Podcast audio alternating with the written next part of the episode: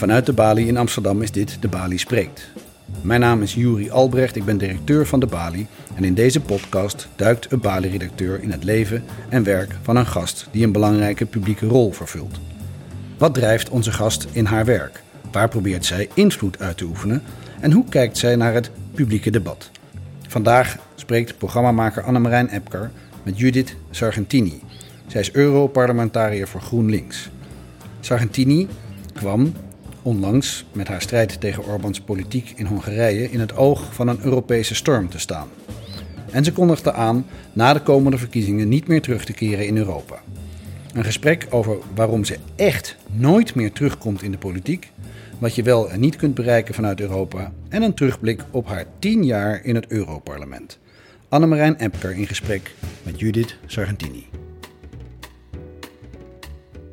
U bent tien jaar geleden naar Brussel gegaan. Wat waren de verwachtingen? Met wat voor ideeën ging u daar naartoe? Wat hoopt u te bereiken? Ik weet niet of ik dat nog weet. Of ik nog weet met welke gedachten ik daarheen ging.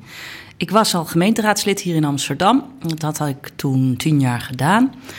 Uh, terwijl ik ook nog werkte in Amsterdam bij een ontwikkelingsorganisatie. En ik dacht, wat ik belangrijk vind, uh, uh, eerlijke handel, ontwikkelingssamenwerking, eerlijke kansen in de wereld, um, onderwerpen rondom asiel en migratie. Eigenlijk wat ik belangrijk vind, wordt niet in Den Haag besloten, maar in Brussel.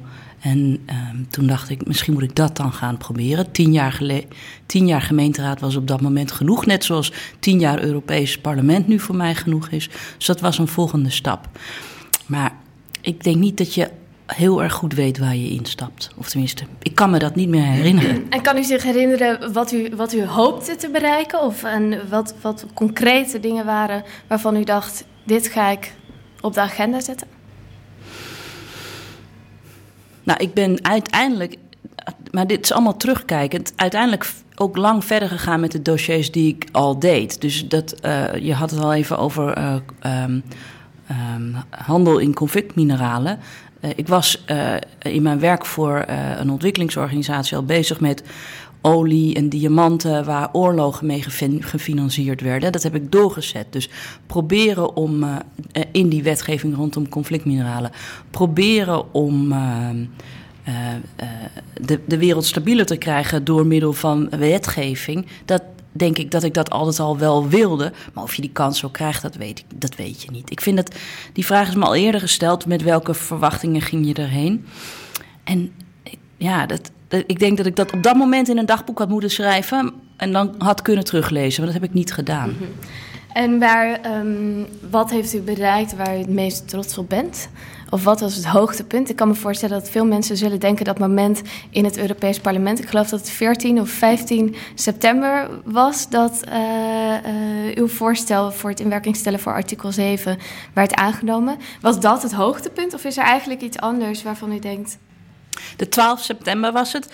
Uh, het is het laatste hoogtepunt. En, en ook eentje die, me, uh, die heel veel mensen is opgevallen. Maar uh, ik heb twee keer onderhandeld uh, en getrokken aan wetgeving tegen witwassen van crimineel geld. En wat ik daar interessant aan vond, is dat we daar ook gingen kijken naar belastingontduiking. En ook daar komt mijn wens om te werken aan ontwikkelingssamenwerking weer terug. Want er wordt enorm veel, in, bijvoorbeeld ook in Nederland, uh, belasting ontdoken van werk wat gedaan wordt in Afrika. Denk aan grote mijnbouwbedrijven die in Europa aan de beurs genoteerd staan. Uh, en dus niet in het land waar ze, waar ze mijnen de belasting afdragen, maar en een klein beetje wel bij ons. Dus ik heb in die wetgeving tegen het witwassen van crimineel geld terrorismefinanciering en belastingontwijking heel veel voor elkaar gekregen. En dat was ook wel een hoogtepunt. En uh, interessant is dat uh, ik heb dat altijd samen gedaan met een, uh, met een christendemocraat uit Letland. Die toen we samen moesten gaan werken in 2014, dat was geen vrije keuze. hij zat in de commissie Economie, ik zat in de commissie Justitie Binnenlandse Zaken. En hij dacht, wat moet ik met, dat, met, die, met, die, met die linkse griet uit Nederland? Maar we hebben het uiteindelijk twee keer moeten doen. En de man is deze week benoemd tot premier van Letland. En een van zijn prioriteiten is uh, witwassen bestrijden in Letland.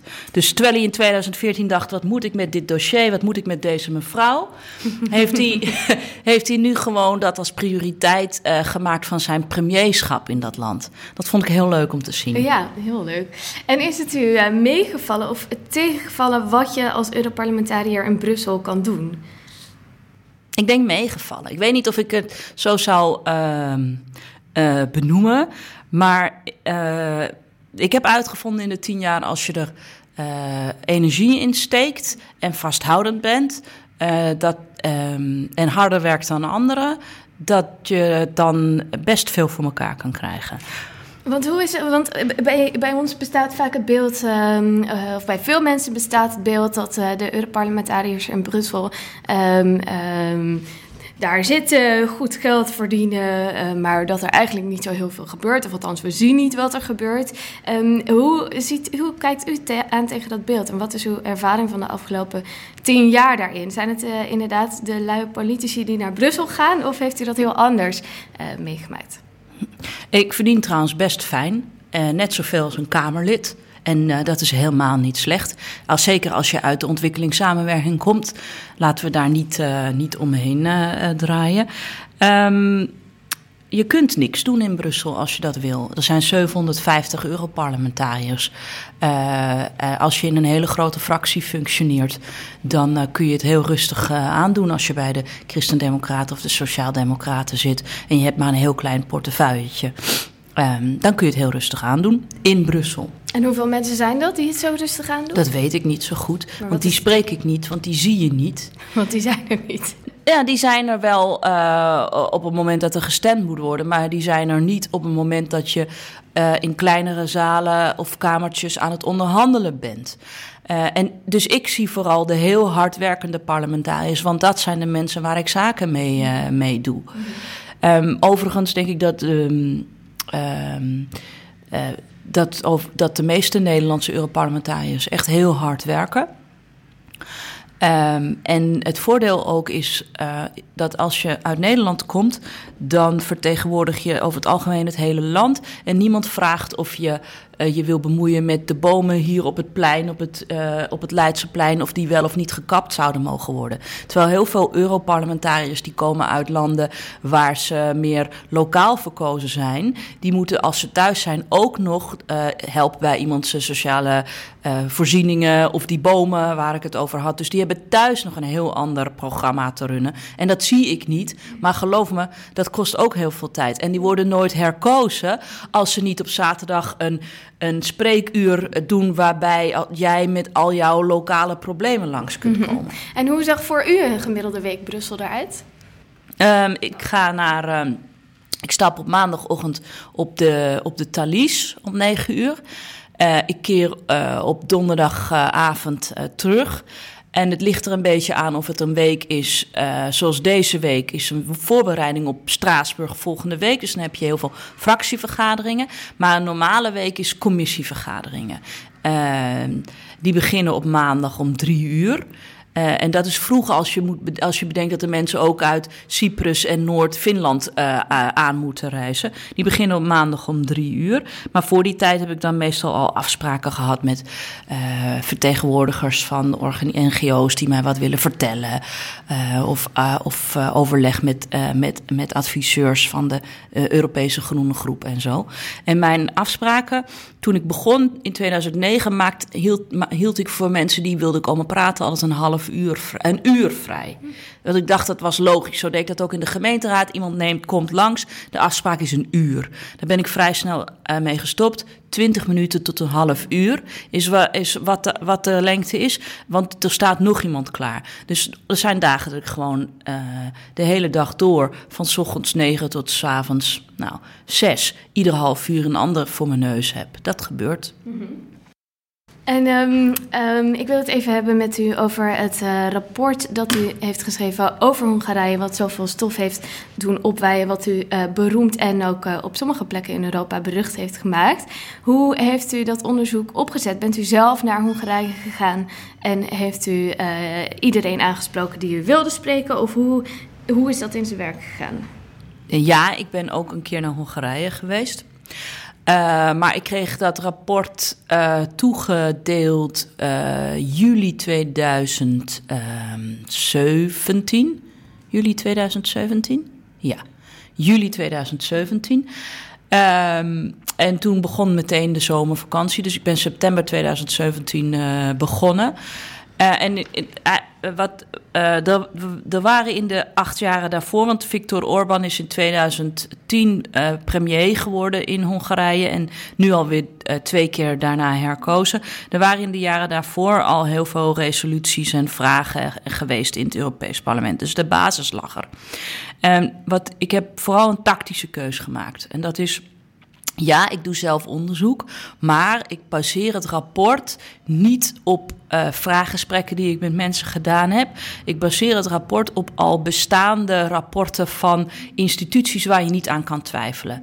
De Raad van Europa, Venetië-commissie. Dat is een commissie van um, uh, wijze mensen die zich bezighouden met grondwetten overal in Europa. En zij beoordelen voor alle Raad van Europa-landen of nieuwe voorstellen voldoen aan de criteria. Nou, zoiets. Of de Raad van Europa heeft ook een speciale commissie met specialisten over corruptie en corruptiebestrijding.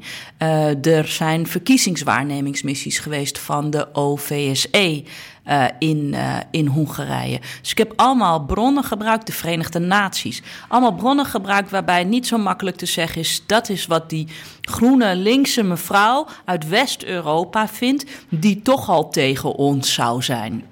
Maar toch is dat wel uiteindelijk wat er wordt gezegd door, ja, okay. door de Hongaren. Nou, ja, ja oké, okay, maar dat komt van pas. Ja. Daarnaast ben ik, uh, heb ik uh, uh, hoorzittingen gedaan, publiek ook... en daar de Hongaarse regering ook bij genoot...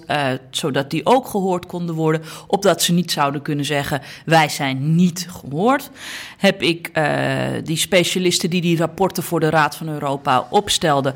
uitgenodigd in het Europees Parlement. Dat is heel makkelijk, want die zitten in Straatsburg... Dus als wij dan in Straatsburg zijn, dan nodig je ze uit. En daar alle collega's bij gevraagd, zodat ze het niet alleen aan mij vertellen, dat iedereen het hoort. En ik, ben één, uh, ik heb één bezoek afgelegd aan Hongarije. En wat heeft u daar gedaan? Ik heb daar, dat was uh, januari 2018. Uh, en toen heb ik iedereen uitgenodigd om te komen praten. Mensen die uh, hulp geven aan daklozen.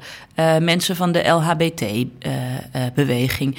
mensen, journalisten, rechters, advocaten. Iedereen die een rol speelt in, de, in, de, in het debat in de samenleving... heb ik uitgenodigd om met mij te komen praten.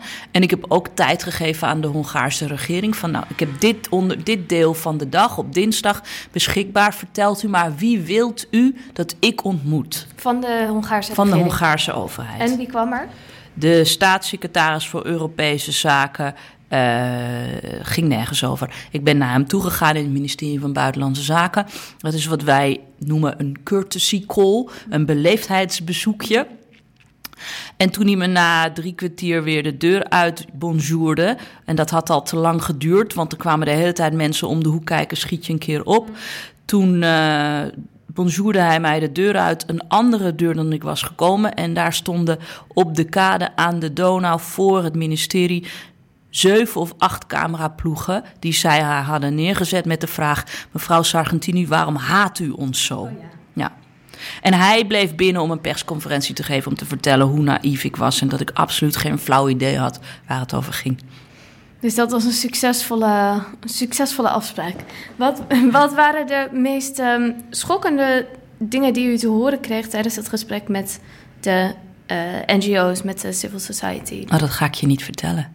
Want daarom heb ik ook andere bronnen gebruikt dan die mensen. Want als je die mensen, uh, als je dat gaat ver, uh, vertellen, dan kun je het ook terugleiden op de mensen en daar krijgen ze last mee. Mm -hmm. En wat zijn de meest schokkende conclusies die u in het rapport heeft geschreven? Nou ja, dat is het punt met het rapport. Het, eh, je kunt niet zeggen, ik, ik, kan ik ga zo een aantal voorbeelden noemen, maar je kunt niet zeggen als, ik nou, als we nou wat oplossen rondom de persvrijheid en iets oplossen rondom het benoemen van rechters, dan is het probleem in Hongarije opgelost. Het probleem is dat alles in elkaar grijpt. Op het moment dat je geen eigenlijk geen vrije pers meer hebt. Er zijn gewoon geen. Buiten Budapest kun je niet meer een, een krant lezen op papier. die iets anders zegt dan wat de regering vindt. En Die- 90% van de media is in handen van Orbán of Orbán. vrienden. Vrienden, Niet van ja. hem, maar eh, hij heeft zijn vrienden kranten en radiostations en televisies laten opkopen met behulp van goedkope leningen van de overheid. En de overheid adverteert ook alleen maar in overheidsvriendelijke media. Dat betekent dat de andere kranten en zo en televisiestations moeite hebben om, eh, om hun eh, begroting rond te krijgen. Want de grootste adverteerder in Hongarije is de Hongaarse overheid. Het is gewoon een sluikmanier om, eh, om, om, je om je staatsvriendelijke media overeind te houden. Dus maar als je dus niet meer onafhankelijke media hebt en je gaat verkiezingen uitschrijven, dan wordt het voor de oppositie steeds moeilijker om gehoord te worden. Nu, afgelopen, vlak voor kerst, is er, is er opnieuw gedemonstreerd in Hongarije. Ehm, dat is niet uitgezonden door de, door de publieke omroep. De Hongaarse oppositieleden in het parlement zijn binnengegaan in het gebouw van de publieke omroep. Zijn op de grond gaan zitten, wilden niet weg. Zijn met heel veel geweld weggehaald. Maar zelfs op dat moment, Werd er terwijl de oppositieleden in het gebouw zaten, werd er niet over bericht. En je moet je voorstellen. Eh, alle oppositie van Nederland staat te demonstreren op de Dam en de NOS zou het niet uitzenden. Ja, ja. Dat, dat is wat er in Hongarije gebeurt. En wat moet de Unie daaraan doen? Of wat kan de Unie daaraan doen? Is het niet ook zo dat, ehm, dat deze harde woorden, het parlement wat extatisch applaudisseert voor het aannemen van, eh, van een artikel 7, werkt dat niet Orbán juist in de hand? Zorgt het er niet voor dat de EU-sceptici in Hongarije denken: zie je wel, ze hebben weer een reden gevonden om ons weg te zetten in Europa, in Brussel? Ja, dat is, kan zo zijn. Maar eh, niks doen helpt ook niet. En er zijn ook heel veel Hongaren die zich optrekken aan het feit dat er nog iemand. Ro- dat er nog iemand voor ze opkomt. En niet zomaar iemand, nee, twee derde van het Europees Parlement, leden uit alle 28 lidstaten, van, eh, politici van links tot rechts, laten zien dat ze zich zorgen maken. Je kunt verandering alleen maar zelf organiseren in een land. Maar het is wel fijn als er mensen buiten staan die zeggen: goed zo, ga zo door. Wij zien wat hier, wij zien wat hier gebeurt. En wat hoopt u uiteindelijk dat de conclusies zullen zijn? Want het eh, in werking stellen van die strafmaatregelen gaat waarschijnlijk niet gebeuren in die end. Dat? Dat zou kunnen. Ik ga daar niet, eh, ik ga daar niet op vooruitlopen. Ehm, want dan zou het suggereren dat het überhaupt geen zin had. Terwijl het politieke signaal van het beginnen van een artikel 7-procedure eh, voor het eerst ooit enorm is. Het brengt ook de Europese Volkspartij, waar het CDA lid van is, echt in problemen. Die willen graag de grootste blijven bij de volgende verkiezingen. Dus die blijven zich maar associëren met, eh, met Viktor Orban. Maar die zien ook dat dat eh, problemen gaat opleveren bij campagnes in met name West- en Noord-Europa. Dus eh, ik onderschat helemaal niet wat het politieke effect is van die stemming. Drie kwart jaar voor de Europese verkiezingen. En ook Eurocommissaris, eh, voorzitter Juncker van de Europese Commissie zei: Als ik lid was geweest van het Europees Parlement, had ik voor dat rapport van mevrouw Sargentini gestemd. En ook hij is een christendemocraat. Ik ben ongelooflijk teleurgesteld over eh, de slappe manier van doen in de Raad van Ministers. Dus bij de 28 lidstaten. Het Oostenrijks voorzitterschap, dat was eh, vanaf de zomer tot eh, eh, 1 januari, die durfde niet zo goed. En nu zitten we vanaf 1 januari met de Roemenen en die durven waarschijnlijk ook niet zo goed. Het probleem zit hem hierin, ehm, durven we elkaar in Europa nog te corrigeren? Of kijken we weg? Nou, je ziet met Hongarije, maar ook met Polen, dat lidstaten wegkijken. Of een ander voorbeeld, we hebben nu... Strategisch wegkijken ook, toch? Ik bedoel, Polen heeft een reden om ja, niet- Polen heeft een reden om weg te kijken. Maar eh, West-Europese landen niet. En eh, Frankrijk niet. En Spanje niet. We hebben nu drie weken lang gezien hoe er twee boten op de Middellandse Zee met bij elkaar 49 vluchtelingen en migranten ronddommeren. Acht landen hebben daar mensen van opgenomen deze week. Nederland heeft er zes opgenomen. Ik ben daar dankbaar voor, maar het is niet veel, hè, zes. En de volgende boot kun je weer uh, verwachten. Uh, het niet meer samenwerken en het niet meer solidariteit met elkaar tonen is heel erg risicovol. En waarschijnlijk wordt het alleen maar groter als we kijken naar wat de verkiezingen ons brengen, waarschijnlijk na mei 2019. Wat verwacht u van de uitkomst van die verkiezingen en van de dynamiek die, zich, die dat meebrengt in Brussel? Ik vind dat heel moeilijk om te beoordelen. Ik zie dat ook wij, Groenen, het eh, best goed doen in de verkiezingen. De Groenen groeien enorm. Ja, de Groenen groeien. Uh, maar uh, we zien de middenpartijen, dus de Sociaaldemocraten, de Liberalen en de Christendemocraten, hebben het moeilijk. Uh, ik denk dat ze dat uh, op zichzelf hebben afgeroepen. Maar daarmee spelen ze wel populistisch en extreem rechts in de, in de hand. En ik, ik kan het niet zo goed voorspellen. Maar ik weet wel heel zeker dat en uh, Europeanen willen wel wat anders, maar die willen niet leven in een regime waar ze niet meer een onafhankelijke krant kunnen lezen of niet er zeker van zijn dat als ze voor de rechter staan, dat ze een onafhankelijke rechter treffen. Maar het ziet er wel naar uit dat de EU-sceptici en de nationalisten de overhand krijgen in het parlement na mei. Niet de overhand. Nee, die worden groter dan dat ze zijn. Maar uh, ik verwacht dat de Christendemocraten nog steeds de grootste blijven. Die zijn in principe pro-Europees. Ze moeten opruimen in eigen kring. Want ze kunnen die Fidesz-partij van Viktor Orban eigenlijk niet meer handhaven. Ze moeten opruimen. Maar het zijn pro-Europese partijen met een met een economisch rechtsprogramma, wat mijn programma niet is, maar in principe democraten. en daar moet je ze ook op blijven aanspreken. Bent u in dat opzicht hoopvol over de toekomst van ik vind het moeilijk. Ik, ben, ik kan niet hoopvol zijn momenteel. Ik vind het heel eng om te zien wat er in Italië gebeurt met, uh, met uh, Vijf Sterrenbeweging en Lega Noord, die uh, heel erg populistisch zijn. Het verbaast me enorm, en niet alleen in Europa, hoor, maar Bolsonaro in, in Brazilië, Trump in Groot-Brittannië, Erdogan in Turkije, Duterte in de Filipijnen, Sisi in Egypte, Orbán, de, de Polen. Ik heb het nog niet over Poetin gehad. Er zijn veel te veel oudere mannen die zeggen: democratie heb je niet nodig, want ik ben jouw man die jou gaat beschermen. Waar komt dat idee vandaan volgens u? Dat iedereen op zoek is, lijkt te zijn naar een autoritaire leider met heldere regels, een helder toekomstscenario. En. Uh, die vaak ook de rechtsstaat ondermijnen tegelijkertijd. Ik vind dat, als ik het wist, zouden we het ook makkelijker kunnen bestrijden. Ik, in Oost-Europa hebben ze nog hele uh, levendige herinneringen aan hoe het was onder communistisch juk.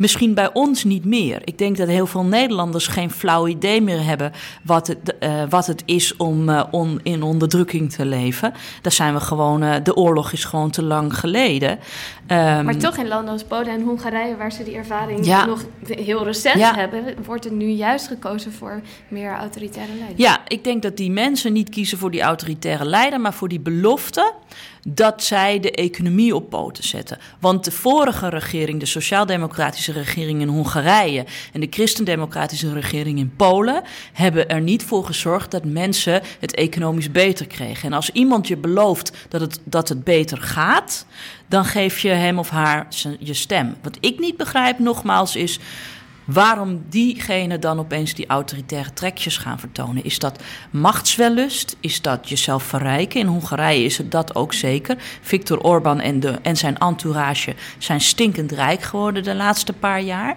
Maar het heeft niets met het welzijn van je, van je mensen te maken. Mhm. We moeten naar het einde toe werken, maar ik ben heel erg benieuwd wat voor u de belangrijkste reden was om te zeggen: ik stel me niet meer verkiesbaar. Juist naar die overwinning uh, in september, voor u persoonlijk ook. Wat was de reden om te zeggen: ik uh, stop ermee? Omdat ik dit met heel veel uh, energie en enthousiasme doe. En ik wil het niet op routine gaan doen of sleets laten worden. En ik ben op het gebied van uh, debatten rondom asiel en migratie teleurgesteld geraakt. En ik denk dat iemand anders met verse energie het opnieuw moet proberen. En het is precies als toen ik uit de gemeenteraad stapte. Toen zat ik er op sommige dossiers in als kan niet, lukt niet, binder dan dat. En dat moet iemand anders die dat binder dan dat niet heeft, krijgt misschien wel weer wat voor elkaar. Ik heb nu bijna twintig jaar uh, in de politiek gezeten. Ik moet mezelf gewoon even heruitvinden. Maar u gaat stoppen met de politiek? Ja. Vooralsnog. Voor hoe lang? Ja, dat weet ik niet. Ik, vooralsnog. Ik weet ook niet wat ik nu ga doen. Uh, ik heb mezelf wat vrije tijd beloofd om na te denken. Om een lange wandeling te maken. Om met mijn moeder op vakantie te gaan. Op een stage te gaan lopen. Um, uh, en dan, uh, ik ga pas als ik hier klaar ben, en dat is mei, juni, nadenken over wat er, wat er uh, na moet komen. Maar ik, ik moet mezelf gewoon even heruitvinden omdat ik nog wel een jaar of 20, 25 aan het werk blijf. Bent u iets, wie bent u zonder de politiek? Nou, dat gaan we zien. dat gaan we zien. Ik ben, ik ben heel erg benieuwd. Ik ook. Um, en bedankt. Graag gedaan.